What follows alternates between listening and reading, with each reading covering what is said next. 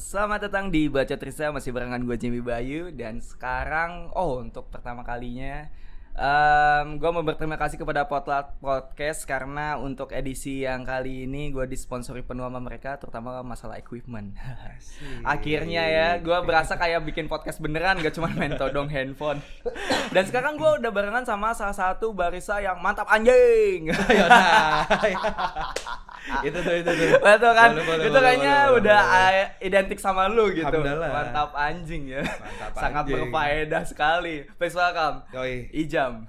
halo halo halo halo. Nama panjang lu adalah Nizam Pasha. Nizam Pasha Loloang Oh, Hmm. oke. Itu nama yang terakhir itu marga ya? Marga dari bokap apa? Loloang itu marga marga orang Minahasa bilangnya Ah, I see, ya Sulawesi. Utara lah mungkin lebih gampang orang taunya Manado kali ya Nah, Hmm. Manado ternyata. Berarti ini em, buat Pierre kalau dengerin teman gua itu dia Manado juga. Banyak orang Manado di ketemu. banyak banyak banget waktu pas Pierre, gua ke sana Andro, terus juga ada satu lagi ada Johan. oh iya Buset ada tiga tuh. Gue kalau ke titik temu suka kayak bilang, eh kawan lu, oh iya udah, ya. udah tuh, udah tuh temen Iya, gue iya. tuh, Oh iya iya iya iya. satu kampung, Satu tuh, kampung udah. ya. Oke, em, sebelum kita ngebahas lebih jauh soal eh, asal di mana lu lahir dan juga Iya. dengan orang tua lu, mungkin sekarang gue lebih penasaran sekarang kesibukan lu ngapain aja jam? Sibukan gue ya, Iya. sibukan gue sih sekarang ya, mungkin eh, jadi roster pada umumnya aja ya ngerosting Hmm. gitu, terus juga ya ngebar-ngebar sudah jarang sih, Oke. cuma lebih sekarang sih lebih fokus ngerosting aja sih untuk sekarang. lebih fokus Hmm. untuk ngerosting. Oke oke. Jadi ngehina orang gitu maksudnya. Ya kurang lebih sih seperti itu. Kurang lebih. Kurang Nah, lebih tapi seperti itu. kalau misalkan kita sekarang throwback ke masa dulu Ijam pertama kali masuk industri ini itu gimana ceritanya? Nah, ini tuh panjang nih ceritanya. Oh iya nggak apa-apa nggak apa-apa. Ini yang paling gue suka biasanya. Jadi sebenarnya sih kalau awal masuk kopi ya gitu. Hmm? Gue sih kebanyakan ya, kayaknya kebanyakan orang masuk kopi itu karena nggak sengaja. Ah, Betul. Ya nggak sih kayak Betul. lo gue kayak lo gimana masuk kopi? Gue nggak sengaja gitu. Ya gue salah satu salah satunya mungkin gue gitu yang Oh gitu. masuk mas- masuk kopi nggak sengaja. Bukan karena gue pengen mau ah aku ingin jadi barista gitu. Oh, Enggak iya. gitu. Tapi- Awalnya sih karena eh, oh iya karena ya gue butuh duit sih. Oh BU Fair-fairan ya. aja betul, ya. Betul betul Fair fair aja gue butuh duit. Ah, ah. Berangkat dari gue yang kuliah gue nggak kelar, Oke. kuliah gue nggak kelar, terus juga gue eh, ya nggak kelar dan gue cabut gitu. Hmm. Tapi gue masih waktu itu gue bilangnya ke orang tua gue gue masih kuliah. Ya, tai sih itu ya bang, gue Ya, bohong ya, banget. ya, Cuma ya. ya dulu mungkin masih anak ya baru zaman zaman kuliah mungkin setakut itu kali ya untuk ngaku kayak gue nggak mau kuliah gitu. Ah, akhirnya gue uh, mulai dia tuh kayak ah gue mulai mau nyari kerja sih waktu itu Oke. mulai mencari kerja untuk gue gantiin or- uh, uang yang gue pakai per bulannya Ah, bentar bentar. Jadi Hmm. posisinya lu itu em, kuliah di Jakarta. kuliah waktu itu gue sempet di Manado Oh, kuliah di Manado. gue dulu lulus SMA SMA gue di Jakarta Mm terus gue keterima di Samratulangi di Manado -mm. terus satu satu setengah tahun gue balik ke Jakarta Mm ya pokoknya gue cabut lah dari Manado balik ke Jakarta -mm. niatnya Mm. mau lanjut kuliah Oke. namun yang terjadi kan pasti kayak ada satu dan lain hal ada lah satu ya. dan lain hal lu ketemu teman lama ketemu di Jakarta bagi ah ternyata main asik gitu. Ya. akhirnya lu nggak kuliah kuliah gitu Betul juga sih. betul juga akhirnya lu nggak kuliah kuliah cabut Ah, ya udah niatnya sih gue pengen kuliah sih pengen kayak gue sempat eh, ngambil beberapa kampus yang ujungnya malah nggak keterima Oh, gitu. Benar benar. Hmm. Dan Hmm. posisi orang tua lu ada di ada di Jakarta ada di Jakarta. gue tinggal serumah sama orang tua gue Eh gimana ceritanya? Jadi lu nggak, eh, maksudnya orang tua lu nggak tahu kalau misalkan lu nggak eh, nggak lanjut untuk kuliah lagi Iya, ya iya. gue bilang aja gue kuliah padahal gue cabut ke mana-mana gitu bangsat ya.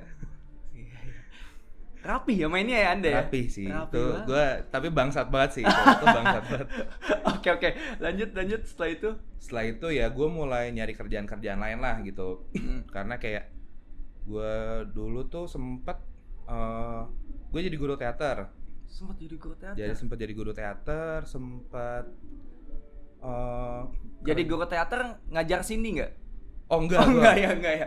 Kira oh iya sini teater kan juga teater juga. gue dulu sempet jadi guru teater di SMA gue Oke. jadi guru teater di SMA gue terus juga sempet eh, kerja di rumah makan ya di restoran gitu Sempat gue kerja di restoran gitu, Oke. sempat jadi tukang cukur, Seriusan? Sum- sumpah, sempat jadi tukang cukur rambut. Oke. Sempat jadi tukang cukur rambut dan ngelanjutin ngeband ngeband lagi dulu. Oh, sempat ngeband juga. sempat. Serandom itu Anda ya semua di Serandom itu kayak ya gue butuh duit aja dulu gitu loh. Oh, oke. Bener-bener nyari duit banget gitu. Ah, Sebenarnya ya kalau dibilang eh, kenapa kayak akhirnya gue milih kayak gitu, sebenarnya kayak gue nggak enak aja sih sama orang tua gue gitu. mhm. Untuk gue udah nggak kuliah, udah kayak gue udah bohong nih, terus Hmm. nggak kuliah, terus masih pakai duit mereka itu gue aduh gue mau bohong tapi nggak mau sampai yang dosa dosa boleh tapi jangan dosa-dosa banget gitu ya betul sih. maksud gue sih gitu Tetap ada batasannya ya. pada batasannya Oke. ini udah kebanyakan nih jangan deh akhirnya ngeband ngeband Oke. terus nah waktu itu gue uh, fase-fase gue sempet ya pokoknya semua yang gue lakuin itu nggak ada hasilnya deh Hmm. nggak ada yang sama sekali lah nggak ada hasilnya ada hasilnya cuma ya ya lo tau lah kemungkinan kayak ya guru ekskul teater berapa sih Betul sih. ya kan guru ekskul teater ya. berapa sih terus juga tukang cukur gue juga tukang tukang cukur bukan kerja di barbershop atau apa apa gue tukang cukur panggilan aja Eh, buset. nyukurin teman-teman gue Ah, yang cuma dibayar sama satu bungkus rokok rata-rata iya ya. betul Wah. betul betul banget kayak uh, bayarnya apa gue nggak tahu tuh gue gak berani ngasih tarif waktu itu kayak kalau lu suka lu bayar terserah lu ya ada yang ngasih 50 ada ada Oke. yang thank you doang. Ada project 2T tuh thank you thank you. Hmm, Oke, Project 2T, thank project you, 2T thank you thank you. Iya gue juga thank you juga ya kan? Sama ya rata-rata sih kayak gue dibayar bungkus rokok aja. Ah, entah lo mau setengah bungkus kayak sebungkus selalu deh. Yang penting gue ada bayarannya aja. Gue sih mikirnya penting waktu kayak gitu gue gimana bisa beli rokok sama bisa buat transport buat bensin doang. Ah, iya iya iya. Nah, dari jarak lu bisa dibilang kerja serabutan kayak gitu Hmm. sampai akhirnya mutuskan, oke, gua kayaknya harus nyari yang lebih proper. Itu Oh. mo- titiknya di mana tuh? titiknya titiknya itu di titik temu asik Waduh. Terima kasih Anda telah mempromosikan coffee shop Iya, saya. aku cinta titik temu jadi waktu itu Saya juga cinta. Kalau saya naik gaji. coba diomongin lagi Cukup sekali. oh iya iya iya jadi tuh waktu itu sempat nah eh, titik baliknya tuh kayak gue butuh kerjaan yang lebih proper karena gue waktu itu sempat cabut dari rumah Ah. gue sempat cabut dari rumah sebulan lebih Nah, di studio band gue kayak jadi sound engineeringnya gitu Oke. nah di situ tuh gue sempet eh, ya lu tau lah eh, tiap malam recording segala Hmm. macem nemenin orang yang ruangannya kecil dan bahasa perokok gue sakit lah karena itu Oke. gue sakit akhirnya gue balik ke rumah dan kayaknya bahwa gue satu setengah bulan itu gue nggak dapet hasil apa apa sih gitu ya dulu cita-cita kayak anak ya mungkin dulu remaja tanggung yang pengen jadi rockstar gitu ya Iya, iya. berusaha ternyata nggak dapat malah dapatnya sakit gitu akhirnya gue tuh pokoknya setelah gue apa namanya pokoknya setelah gue balik ke rumah ada teman gue yang ngajakin gue namanya Adi Oke. dia ngajakin gue ngopi Tuh. Ah. kayak dia bilang lo nyobain gak Eh, mau nyobain kopi yang bener gak kopi yang bener kayak apa sih maksudnya gue tuh gak tau lah gitu Kopi yang dididik selama 12 tahun. ya mengikuti kurikulum kurikulum yang ditetapkan negara Iya. Betul, betul. seperti itu Itu dia. Nah, terus kayak ayo dah ayo ke mana kayak gimana sih maksudnya? Iya, pokoknya digiling depan lu langsung, diseduh depan lu langsung. Gue masih belum kebayang tuh. Oke. Ya udahlah, sok lah, ajak lah, gue Hmm. bilang gitu. Mampirlah ke tempat namanya Kopi Man Kopi man. di Binus. Oke. Itu gue pertama kali ketemu sama orang yang namanya Deru. Hmm. Nah, si Deru ini akhirnya menjadi orang yang ngajarin gue kopi. Ah. Nah, jadi eh, orang yang pertama kali ngajarin gue kopi lah si Deru ini. itu awalnya karena gue ngopi-ngopi di sana, awalnya tuh cuma robusta, tubruk, robusta, tubruk. Terus mulai kayak lu nggak mau nyobain arabica nih? Oh yaudah gue cobain. Wah asik juga ya gitu. Terus habis itu muncul kayak lu nggak mau nyoba bikin kopi sendiri? Ya udah cobalah. Gue coba bikin kopi sendiri. Oh iya manual brew manual brew kayak dan itu tuh, tuh cuma ada manual brew doang di sana, nggak ada espresso atau apa pun. Akhirnya gue belajar. Dulu tuh gue mikirnya kayak ya gue sih kayak pengen bisa aja lah gitu. Contohnya kayak eh, ya gue bisa main gitar atau gue bisa main drum, main alat musik lain cuma sekedar bisa gitu. Hmm. Nah setelah kayak gitu gue mulai ya kayak gue udah oh gue udah bisa nih bikin kopi. Nah bisa aja. Terus tiba-tiba muncullah kayak anjir gue butuh duit nih. Oke. Gue nggak punya duit apa-apa karena Hmm. gue juga nggak punya skill apa-apa yang bisa gue jual tanda kutip. Hmm. Akhirnya gue mikir "M- mungkin skill bikin kopi ini kali yang bisa gue jual dan gue jadiin pekerjaan gue gitu. Oh, baik. Barista lah. Akhirnya gue eh, mencari lowongan kerja banyak di beberapa coffee shop. Gue lihat di Barista Job Fair karena waktu itu gue bener-bener nggak tahu untuk eh, apa tuh namanya eh, nyari lowongan kerja barista tuh kayak apa yang banyak kayak gitu kayak sumbernya Oke. dari mana sih? Iya, iya. Tadi iya. gue liat di Instagram namanya Barista Job Fair, gue lihat oh banyak tuh yang nyari kayak eh, lagi nyari, lagi nyari, lagi nyari, gue apply deh tuh, gue Hmm. apply CV segala macem. Hmm. Akhirnya gue eh, dapat email balasan dari Pigeonhole Pigeonhole. Itu di Iya. tahun 2016, 2016. 2016, Oke. 2016 bulan sekitar bulan Agustus Hmm. atau September itu gue keterima di Pigeonhole dan di situlah jalan ninja gue dimulai. Ah. di situ baru kayak oh iya gue menemukan lah gitu Iya, pekerjaan yang ya yang bisa menghidupi gue di situ Oke, dimulai dari Pigeonhole dan itu langsung Hmm. masuk sebagai full time di sana. ya langsung full time gue juga apply-nya sebagai full time di sana Sebagai full time. Mm. Dan kurang lebih berapa lama lu selama di Pigeonhole itu? Gue di Pigeonhole itu kurang lebih 8 atau 9 bulan gitu Ah, ah. 8 atau 9 bulan di sana Oke, setelah itu setelah itu gue di ada nama coffee shopnya Linggih Linggi. di daerah veteran itu gue kerja bareng teman gue namanya Robi Oke. Jadi Firlian. Oh, bukan. ya? bukan Oh, Robi. Firlan nanti bikin gambar Eh ya, Aduh.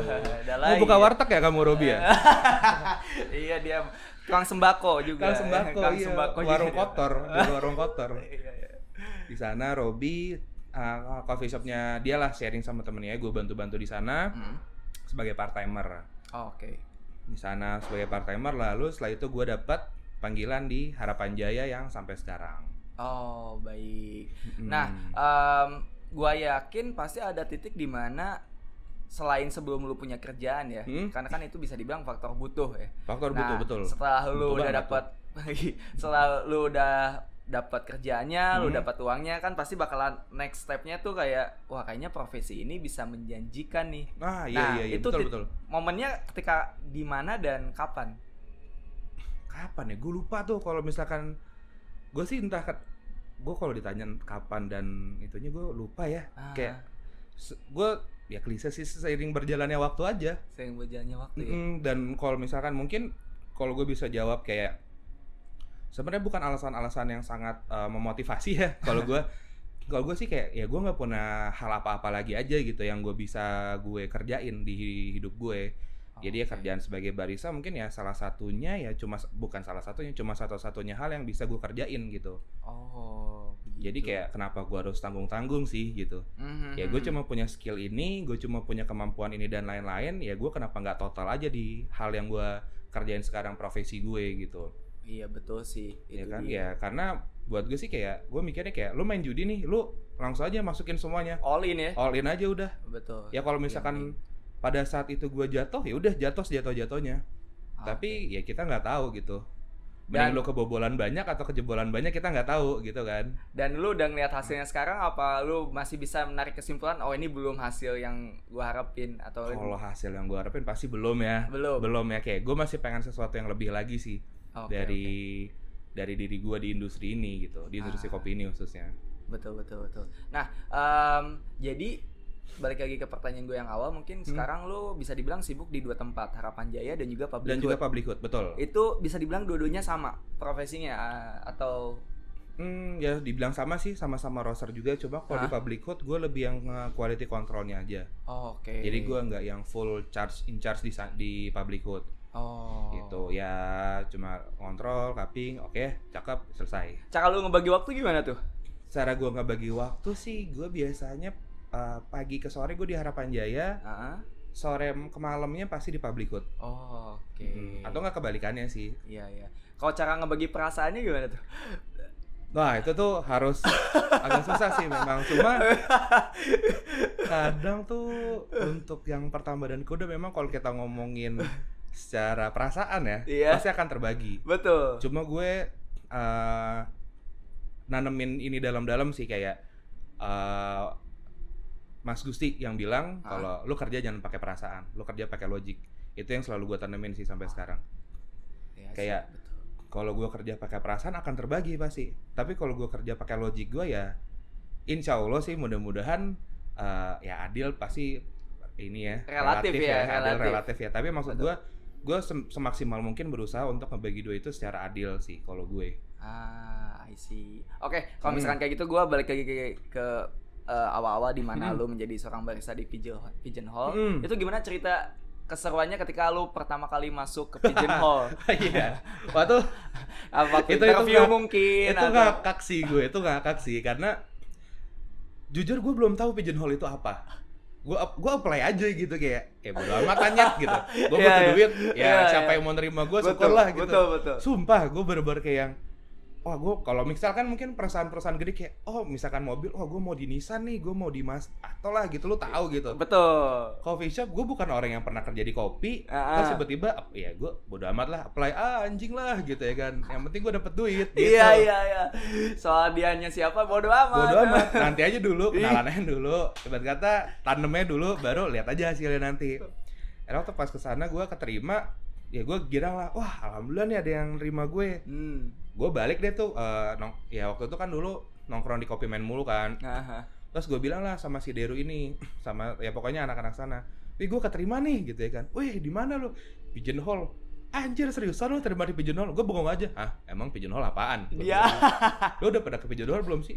Belum sih. Gua Lalu interview di mana? interviewnya di Pigeonhole cuma gue sebelumnya belum pernah ke Pigeonhole gue Oh. modal Google Maps aja udah Iya, iya, iya, iya. jadi keterima segala macem. Nah waktu pas keterima di Pigeonhole itu uh, salah satu interviewnya kayak uh, oh ya gue kan nanya kan kalau coffee shop itu interviewnya ngapain sih? Ya gue kan waktu itu sama sekali nggak bisa mesin.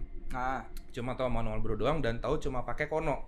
Oke. gue nggak bisa pakai fisik sih sama sekali Oke. pada saat itu. Ah, itu akhirnya kayak gue belajar pakai kono diomelin sama dia tuh eh nyet ngapain lu belajar pakai kono? Nggak mungkin pakai kono V60 ya gue nggak bisa mas ya bisa lah belajar malam ini malam ini belajar Hmm. jam jam sekitar jam 2 apa jam 3 sore gitu gue interview besoknya kayak wah oke. bodo amat lah Oke, gitu oke, belajar oke. belajar belajar belajar sampai gue nek-nek sendiri kayak nyobain nyobain sampai "Wah." Ah, baik. Tapi Belajar. waktu interview emang dites juga. Di- dan bener di tesnya V60 Wah. jadi kayak gue bikin nah itu tuh kalau ditanya serunya tuh hari pertama gue interview udah seru sih Gimana, karena gimana gue kan belum gue grinder cuma tahu Latina coy Grinder sejuta kedai.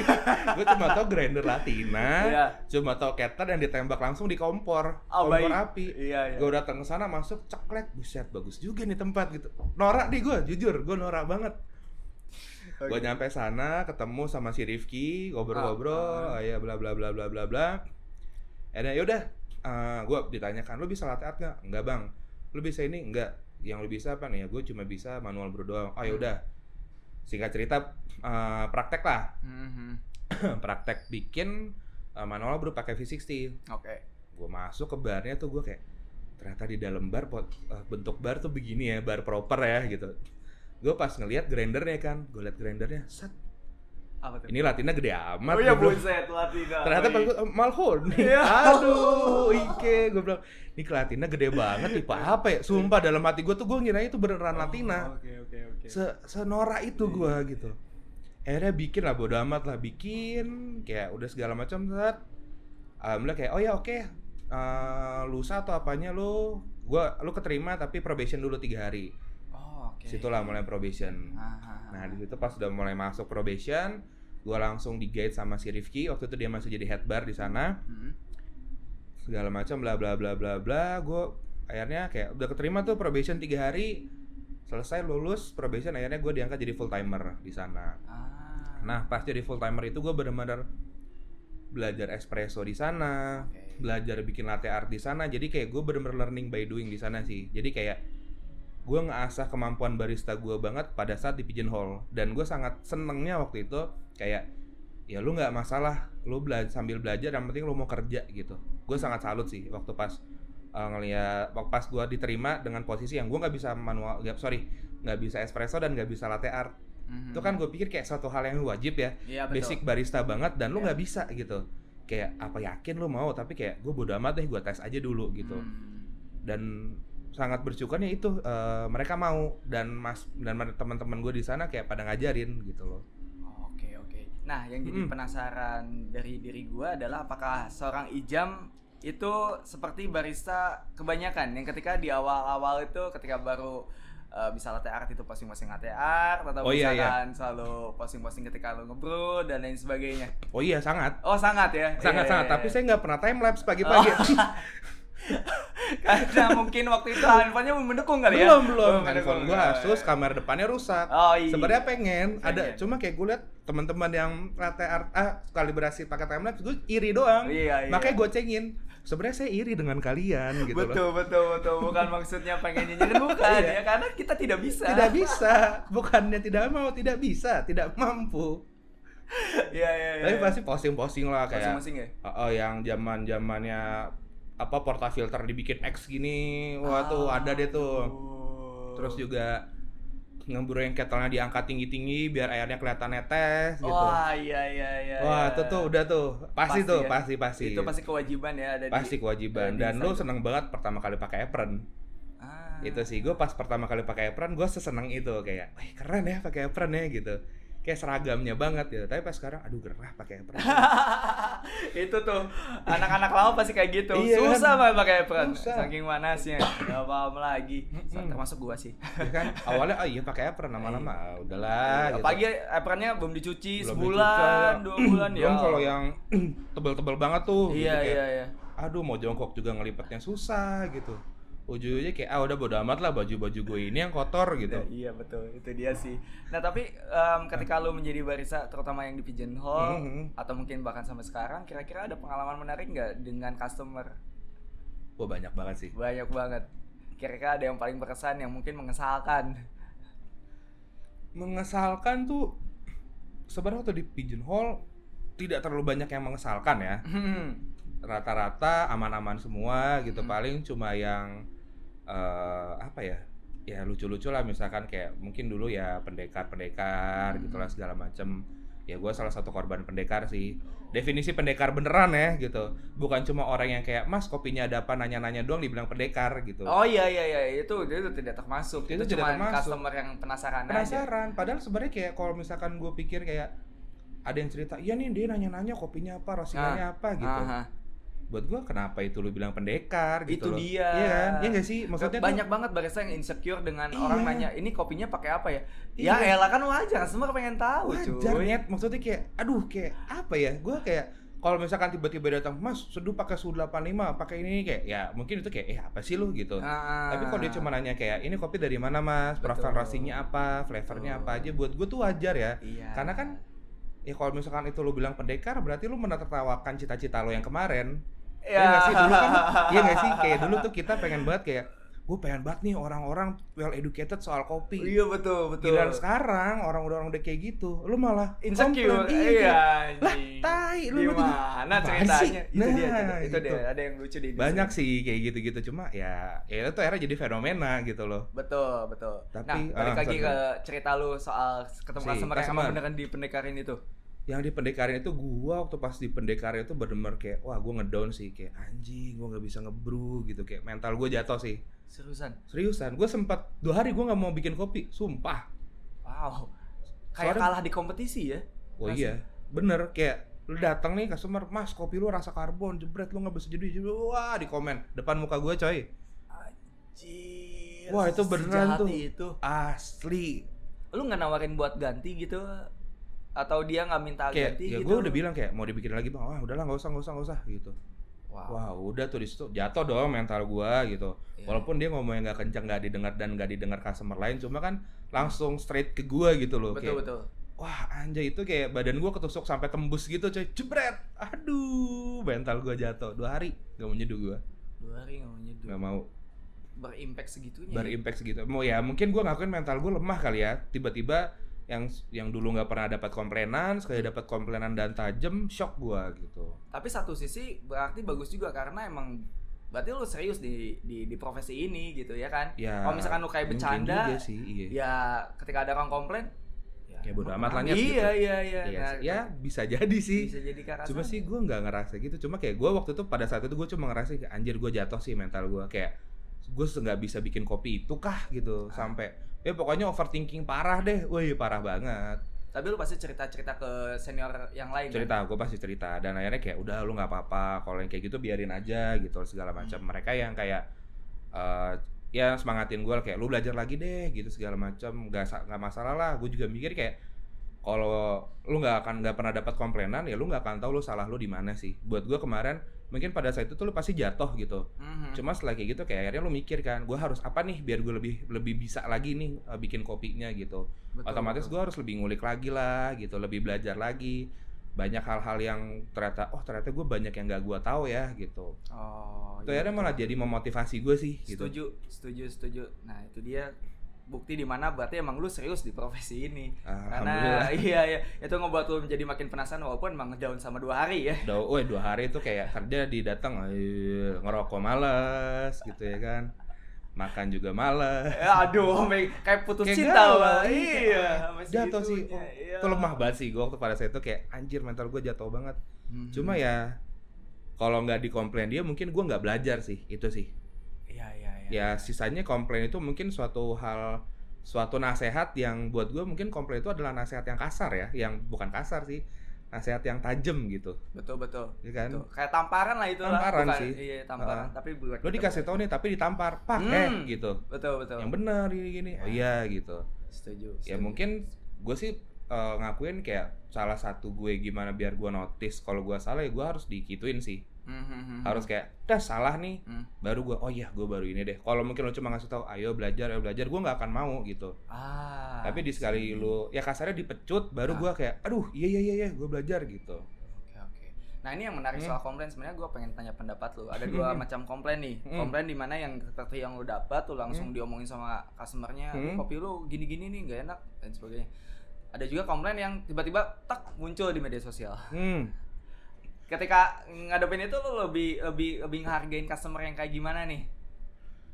kalau gue pasti lebih orang yang ngomong langsung ya Ah, ah, ah. pasti mungkin kebanyakan orang pasti ngomong langsung selesai di tempat Oke. karena kalau misalkan ya internet gitu kayak apa yang udah ter, apa yang udah kelempar ke masyarakat lo nggak akan bisa atur persepsinya lagi Mhm. jadi kayak kalau dari sosmed entah kita nggak tahu sebenarnya yang salahnya itu siapa gitu Mhm. mungkin kalau dari sisi uh, customer mungkin oh iya nih barisannya blah, gitu mungkin kalau dari sisi barisannya lu lebih pro gitu kan ya gue barista gue itu teman gue mungkin seperti itu Mhm. apalagi kalau yang customernya nggak bisa dihubungin kayak misalkan lu mau minta penjelasannya kenapa gitu tuh Iya iya. itu susah banget sih Betul betul itu betul. repotnya kalau dari sosmed ya tuh susah banget sih karena bisa dibilang ya netizen sekarang orang-orang lebih lebih tajam ketika ngomong di media sosial betul sih betul daripada ketika ngo- ngomong langsung. Om- Toh betul. kita kan sebagai orang maksudnya yang ada di industri ini sangat perlu bisa misalkan kalau misalkan ada miss gitu kan ya Hmm, bisa dibilang kayak gitu.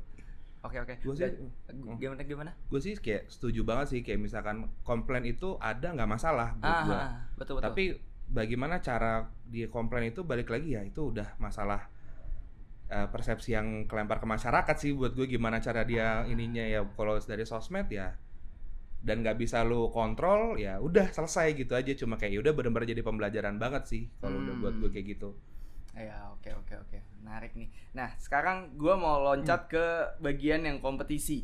Hmm. oke Di mana lu mulai turun kompetisi di tahun 2016.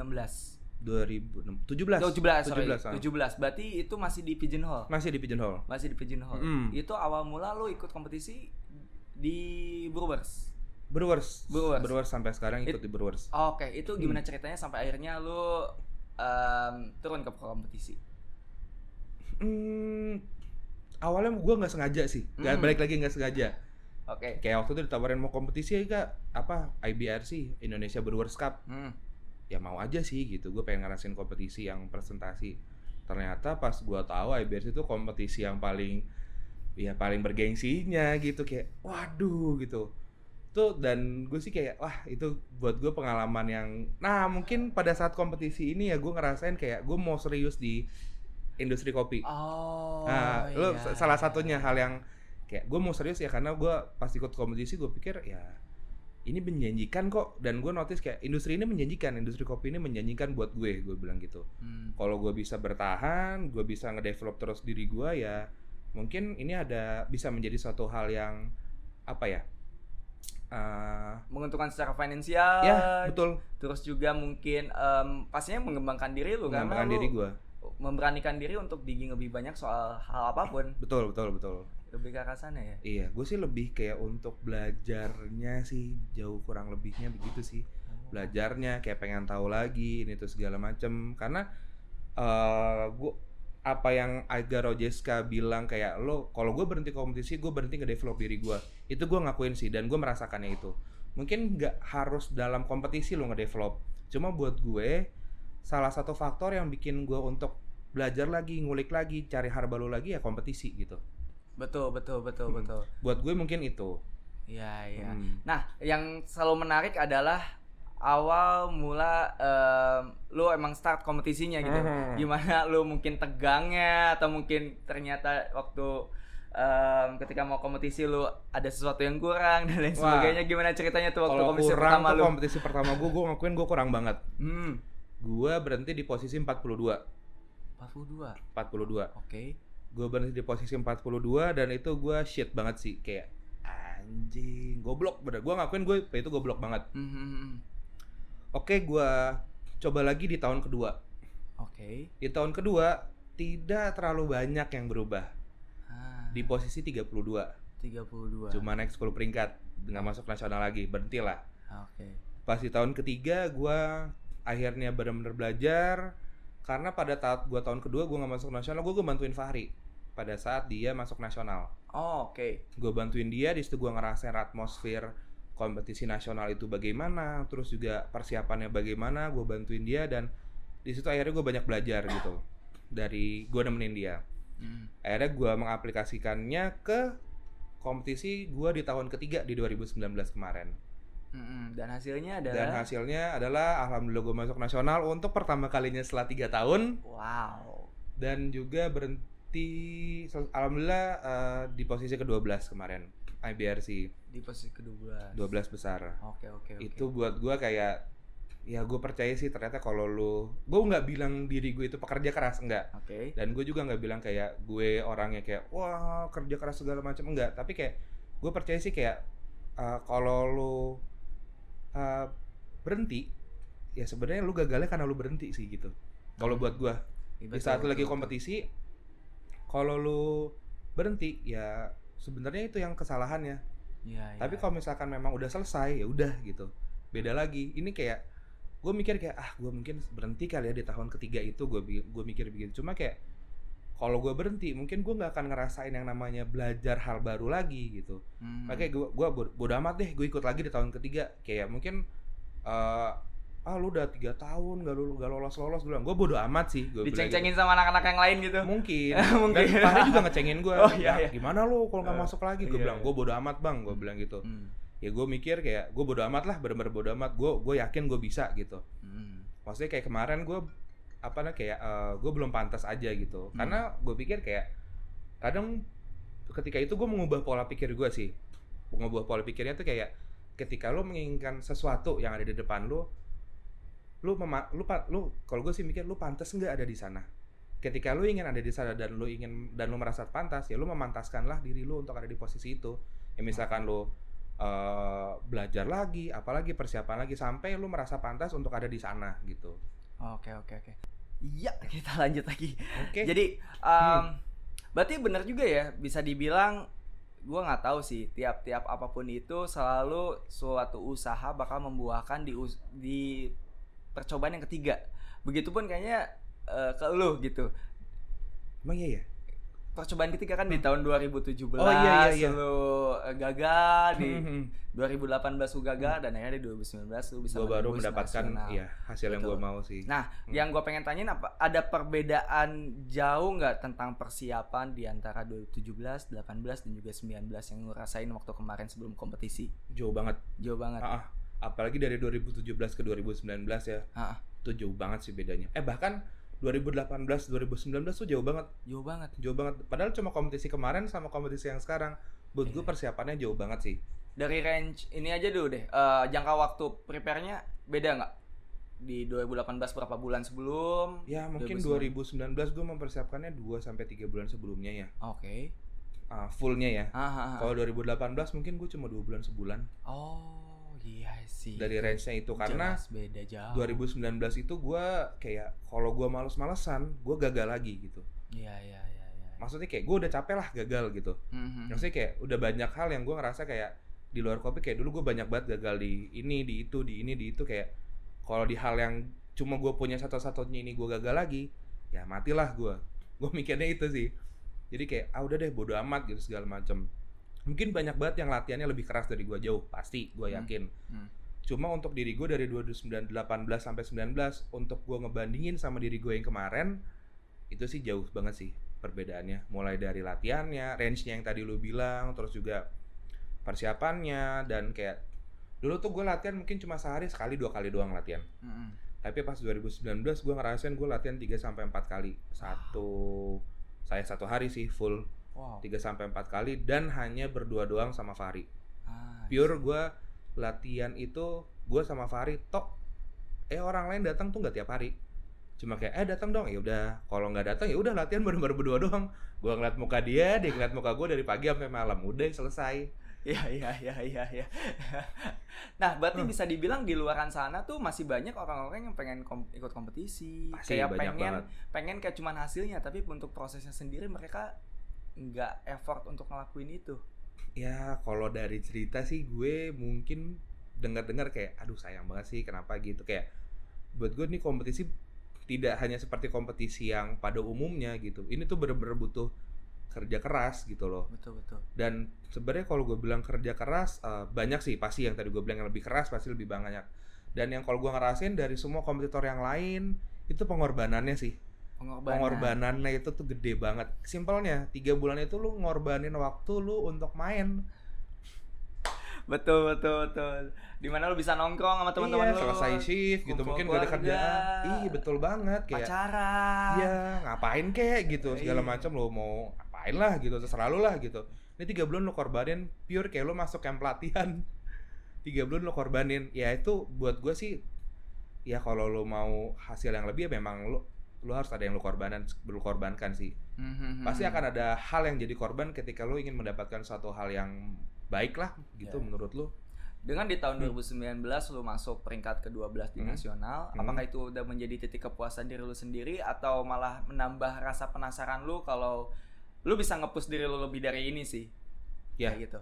gue sih kalau bersyukur alhamdulillah gue di posisi 12 karena gue kayak ya paling gue gue dapat 12 besar lah dan gue achieve di har- di harapan gue 12 besar itu. Oh, target gue nggak terlalu tinggi karena ya kayak ah gue masuk nasional dan ya kalau bisa sih 12 besar gitu. Aha. oke dapat. Dan tapi setelah itu kayak gue mikir gue bisa sih gitu. Gue kayak gue merasa ngomong ke diri gue lu bisa kok gitu. Lu bisa lebih lagi gitu.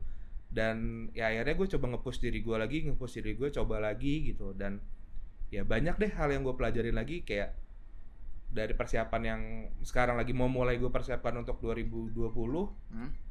itu kayak wah seru sih kayak banyak hal lagi yang gue dapetin itu belajar lagi gitu bener-bener belajar lagi Oke oke oke oke.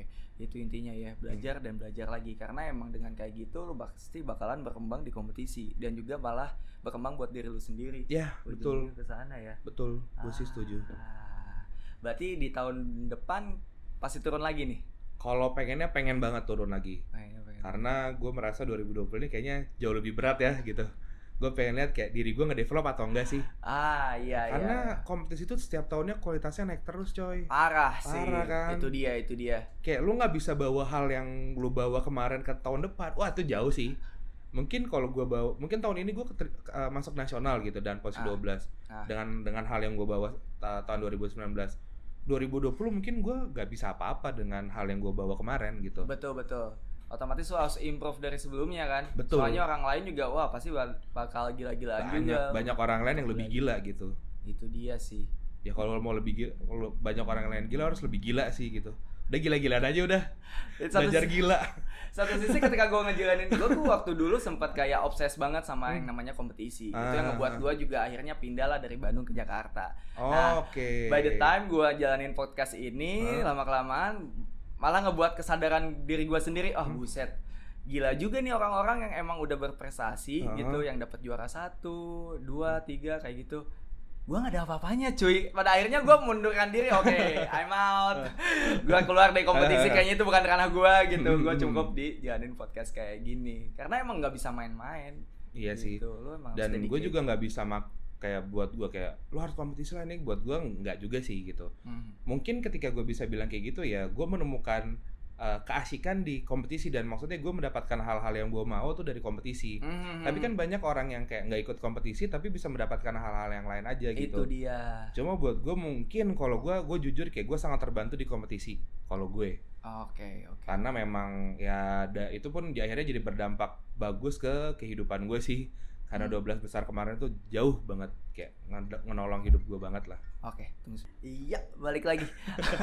sorry sorry, kekat mulu dari tadi. Ya Allah, kesal sendiri gua. Nah, em, tadi sampai mana ya? Kita ngomongin sampai Sampai- kompetisi. ya Sampai kompetisi oh, berdampak eh, positif buat diri lu. Mm. Kira-kira kalau misalkan boleh tahu dampak positifnya itu antara lain ada apa aja tuh? Hmm. Se ya alhamdulillah ya di setelah dapat posisi 12 kayak gue kayak bisa ngisi-ngisi workshop Oh iya, betul. bisa keluar kota Hmm, namanya sekarang udah sering muncul di flyer ya. baik, baik. Itu- itu alhamdulillah banget sih, kayak- Alhamdulillah. itu salah satu cita-cita gue sih kayak gue dulu ngiri banget kayak ya lo dulu kayak apa ya kayak lo anak kecil megang bola ngeliat Wayne Rooney ngeliat Nistelrooy itu kayak ah gue pengen banget jadi kayak dia gitu Iya, iya, iya. kalau lo kayak band gue pengen ah gue pengen banget jadi mirip si ini mirip si ini Mhm.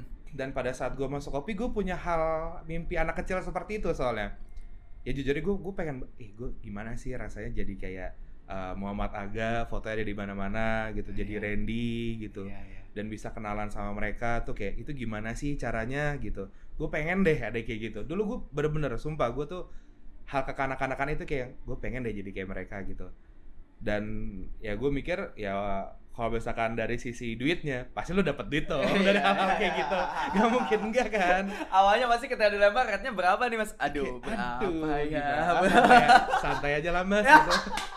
itu kalimat itu tuh kalimat ini tau apa jebakan ya? jebakan mat rate-nya berapa mas? Aduh. Ya terserah deh mas gitu.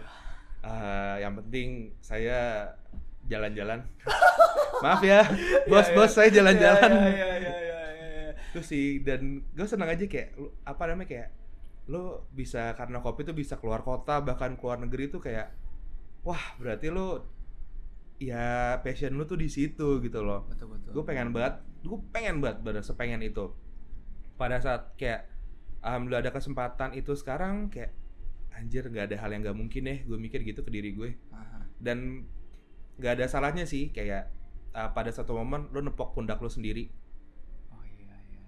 iya. itu bukannya sombong ya tapi kayak lo ngomong ke diri lo sendiri kayak bagus jam gitu Betul sih. lo nepok pundak itu kayak itu hal yang gue kutip dari cubung sih kayak nggak ada salahnya lo nepok pundak lo sendiri kayak good job man gitu untuk hal yang lo lakukan ya paling nggak eh, lo menghargai diri lo sendiri lah di situ Itu dia. paling tidak gitu dengan ya entah besar atau kecil paling nggak lo nepok pundak lo sendiri dan itu kayak bikin kayak hah lo bisa bernafas lega lagi gitu dengan hal-hal yang udah lo dapat dan ya lo bisa bersyukur dari hal yang lo dapetin itu sih kalau gue Gue berinding cuy. Tapi yang benar sih. Kadang orang-orang di luar sana tuh berharap buat dihargai orang lain. Padahal Ya. lebih gampang ketika ya udah Ya. mending lu ngargain diri lu sendiri. Ya setuju, gue sangat setuju karena kadang ya memang nggak ada yang nggak mau sih dihargai gitu kayak Setuju. pengen lah nggak mungkin dong ya Setuju. kayak lu udah kerja apa segala entah apa pun lah yang lu lakuin gitu Nah, lu pasti pengen banget dong dihargain sama orang lah gitu Iya, tuh pengen iya. banget tapi ya ketika lu ingin dihargai oleh orang kalau buat gue hal apa yang udah lu lakuin sih kalau gitu Hmm, hmm, hmm. Gak mungkin dong lu baru apa hal yang lu lakuin dikit lu minta dihargain ya bullshit lah tai kucing kalau buat gue gitu ya lu nggak bisa kayak gitu bahkan orang yang udah bertahun-tahun berusaha keras tuh ya masih belum mendapat apa-apa ya masih belum aja gitu loh Betul betul betul. Oke ya yang di dunia ini memang gak ada hal yang instan sih gitu gue percaya Setuju. cuma ya sisanya ya lu berjuang aja dulu untuk apa yang lu inginkan gitu Iya iya iya. secara nggak langsung orang akan menghargai usaha lu kok lu orang orang akan melihat gitu Hmm. gue pun kayak sang pada saat ini pun baru ngerasa jujur kayak gue bisa dihargai oleh keluarga gue dengan apa yang gue lakukan Oh nice. ya jujur karena ya gue ngerasa ya kemarin gue bilang gue cabut kuliah gue ngelakuin ini itu ini itu. Siapa sih yang mau? Ya kasarnya orang tua kayak pasti aduh anak gue gini amat sih Iya, gitu loh. iya. dan bahkan waktu pas jadi barista awal-awal tuh gue disuruh cabut dari barista. Kayak aduh kerja apaan sih? Jadi ini jadi itu kan banyak kerjaan ini segala macam gue nggak marah pada saat itu. Mm, mm, mm. ya gue bete tapi gue nggak benci orang tua gue karena gue tau ya fair fairan lah mungkin ketika lo jadi orang tua mungkin lo akan begitu karena lo 2016 siapa sih yang mikir kalau barista menjanjikan? Nah, Maksudnya itu ada dia. sih, tapi sedikit. Sedikit Gitu. banget, Sedikit apalagi banget. kayak ya orang tua orang tua dulu kan mikir barista ya lo ya sorry deh pekerjaan yang ya kasar. kasar lah dipan- dipandang sebelah mata banget kayak ngapain sih jadi pelayan di kafe Nah, orang kan orang iya, tua dulu iya, dibilangnya iya, pelayan Setuju, setuju. Iya. Setuju, setuju. pastilah banyak lah kayak orang tua dulu bilangnya pelayan cuma ya pada saat ini gue pengen ngebuktiin sih ke orang. Gue jatuhnya pengen ngebuktiin bukan karena gue dendam Mhm. tapi karena ya gue bisa kok ngelak- ngebanggain kayak kasarnya kalau kalau ngomong ke orang tua gue bisa kok banggain lu dengan apa yang gue lakuin sekarang gitu. Cuma memang belum waktunya aja gitu. Tunggu tunggu. Gue cuma dalam hati kayak tunggu ya tunggu ya tunggu ya tunggu lagi tunggu lagi. Dan akhirnya ya setelah tiga tahun itu gue bisa pertama kali gue waktu itu kayak eh, ketika gue mau keluar kota Hmm. pah gue di rumah kan dipanggil dede dede dengan badan sebesar ini lu sekali. geli sih gue ya, ya. Mantap anjing dipanggil Dede. Gua bilang, Aduh, tidak kuat. Aduh, maafkan saya ya gue bilang Imut sekali. di situ tuh mulai kayak eh, ap- apa namanya kayak paling pulang malam nih mau ngurusin ini, ini. oh ya udah nggak apa-apa hati-hati aja di situ tuh pertama kali kayak hah kalau lu nggak ngomelin gue sih gitu biasanya kan ngapain pulang jam ini oh ya dulu kan mikir selesai kerja ya udah pulang gitu Hmm. mereka tidak tahu closingan itu berapa lama Belum lagi banyak customer yang belum Iya, balik-balik. kayak mas ayo sudah jam segini Udah setel lagu Niji yang pulang juga nggak pulang-pulang. lagu kencengin ya kan Iya. lampu mati-matiin kayak Tetep. santuy ya santuy aduh ya gitu sih kurang lebih kayak ya se industri ini hal yang ngubah hidup gue banget sih.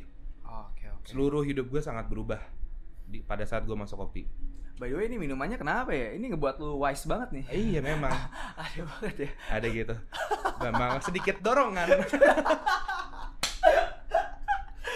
Cil, Oh iya, iya. Cil gitu. dulu. Yoi, yoi, yoi. Gila. Tapi emang benar sih ya. Eh, segala sesuatu tuh butuh proses dan Iya. eh, ya, lu bisa ngebuktiin ke diri lu sendiri lah seenggaknya. Iya. Lu bertahan di proses itu sampai akhirnya gue yakin ini bukan hasil yang pengen lu capai dan bukan hasil yang eh, hasil terakhir yang lu harapin. Gue Iya. yakin juga pasti ada next goalsnya gitu Pasti, kan. pasti, pasti ke depannya, ke depannya. Nah, sekarang pertanyaan selanjutnya tuh gue kayak pengen tahu em, kan lu dari 2016 ya Hmm. udah masuk ke industri kopi berarti Hmm. otomatis lu bak ngelihat kayak barista-barista yang ada di tahun 2016 dan Hmm. juga barista-barista yang mungkin baru aja ngebar di tahun sekarang 2019 Iya, hmm.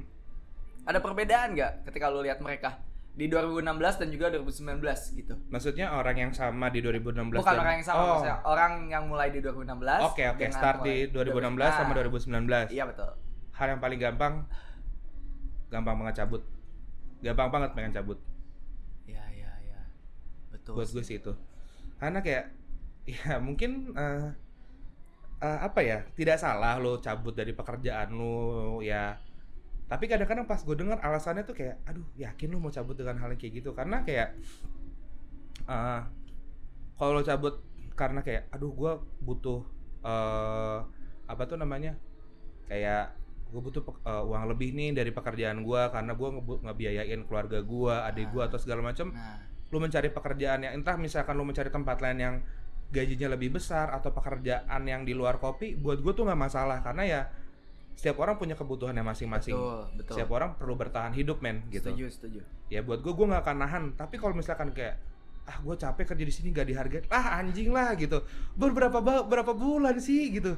Dua bulan, tiga bulan minta dihargain.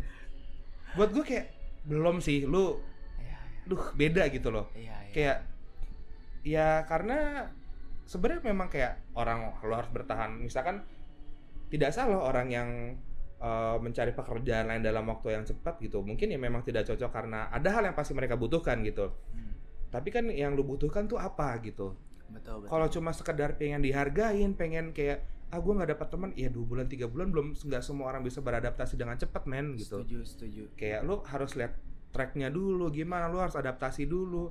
lo nggak belum bisa beradap belum bisa ya belum bisa beradaptasi tapi udah nyerah Ya. buat gue kayak aduh lu harus nge-challenge diri lu lagi sih gitu kalau buat gue yang betul. paling gue rasain perbedaannya itu ya gue sendiri pun kayak mungkin di di pigeonhole baru 8 bulan ter, eh, cenderung waktu yang cepat gitu Hmm.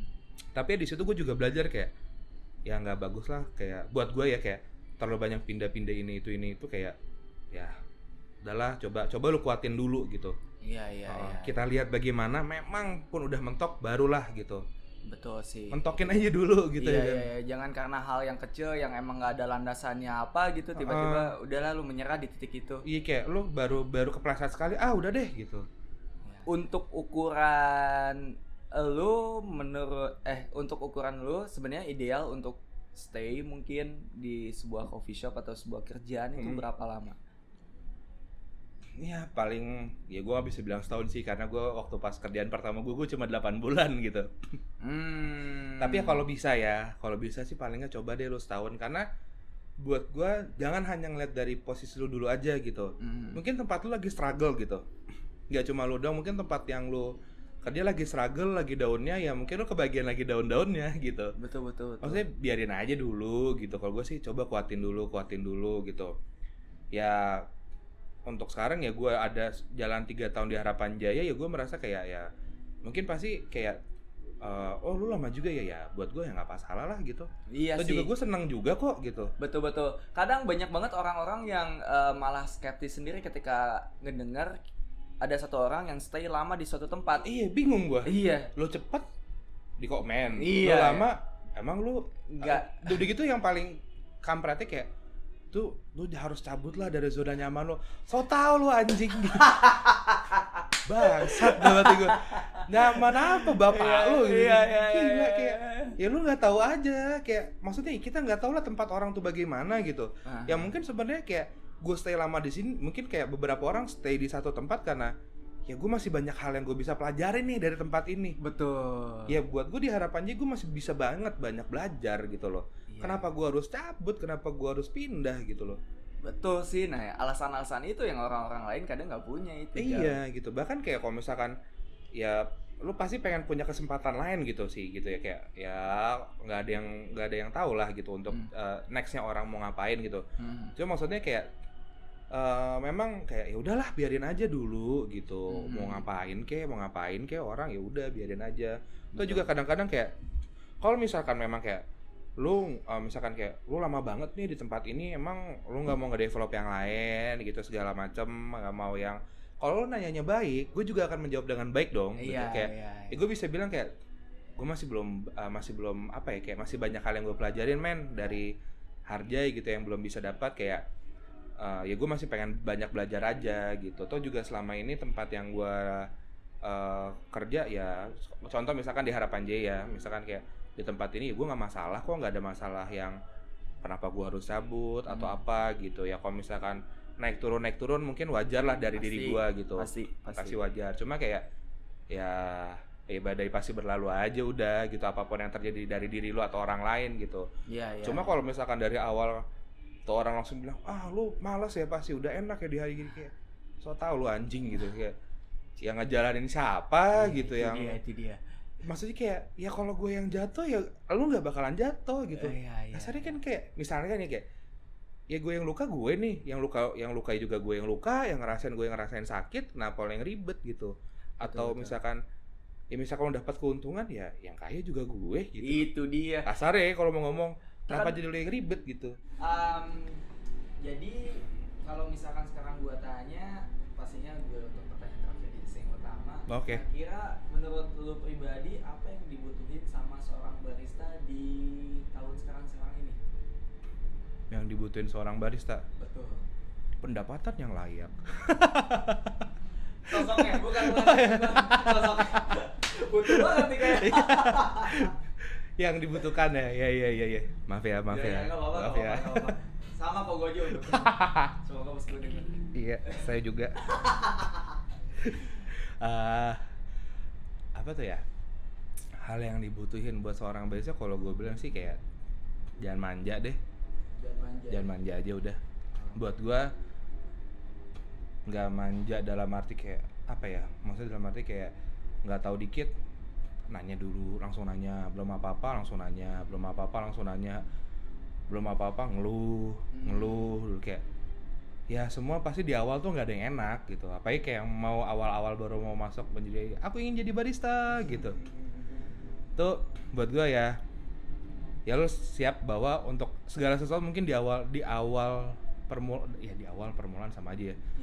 Untuk memulai sesuatu pasti mungkin pahit sih awalnya. Nggak ada yang enak dulu. Ya mungkin lu harus siap untuk awal yang ternyata tidak semenyenangkan yang lu kira gitu pasti kan ekspektasi lu kayak wah barista nih enak nih gini segala macam ternyata ngosrek-ngosrek kamar mandi Iya. gitu ya kan ngelap-ngelapin segala macam Busin wah aduh paling itu Ambiar. yang terpendam gitu yang semua yang paling diharapkan oleh seorang barista itu pasti Iya, terus belum lagi kalau misalkan eh, mesin lo eh, air limbahnya ditampung, gak langsung ke pembuangan. Wah, Itu, tuh meninggal sih tuh. aduh. Meninggal. Tuh kelar sih ya. belum kalau lagi rame terus lu lupa buang Aduh tumpah itu. Wah, tuh gue pernah tuh. Kayak waduh tiba-tiba waktu pas gue di Linggi gitu.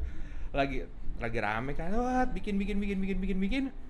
Terus tiba-tiba kayak apa nih gue bilang bau got gue bilang gitu kenapa ya apa air meluap gue mikir tuh air meluap gitu dari toilet atau dari apa pun Iya, iya. anjing bau tai nih gue bilang gitu terus gak tahu tuh gue iseng kayak gue buka bawah masa iya air limbah sotoy? Iya, iya. masa air, air limbah pas gue buka biar udah jadi curug coy. Itu udah bingung banget tuh ada customer tapi lo harus buang kalau nggak dibuang juga bau. Ya udah kelar deh tuh. Nah itu ekspektasi jadi barista kan mungkin wah asik nih bikin kopi lalalalalalala gitu. Hahaha hihi hahaha ternyata makan tuh air limbah. Tidak secepat itu Ferguson Tidak secepat Tidak itu. secepat itu. belum harus ngefloor dulu. Belum Hmm. harus tahu gimana caranya nge customer. Iya tuh. Jangan kayak langsung sosokan lu pengen di depan mesin. Nah itu tuh. Nggak bisa. Tidak bisa. Semua memang harus ya harus ya jangan manja dan ya sabar sih. Kuat kuatin aja dulu kalau emang lo mau jadi barista gitu buat gue sih itu. Ya ya ya, ya. nice. Oke kalau misalkan kayak gitu cukup untuk sesi pertama sepertinya. Oke. terima kasih Jam. Kita lanjut Sama-sama. ke sesi selanjutnya. Jangan ke mana-mana tetap di baca Trista. Anjing mantap anjing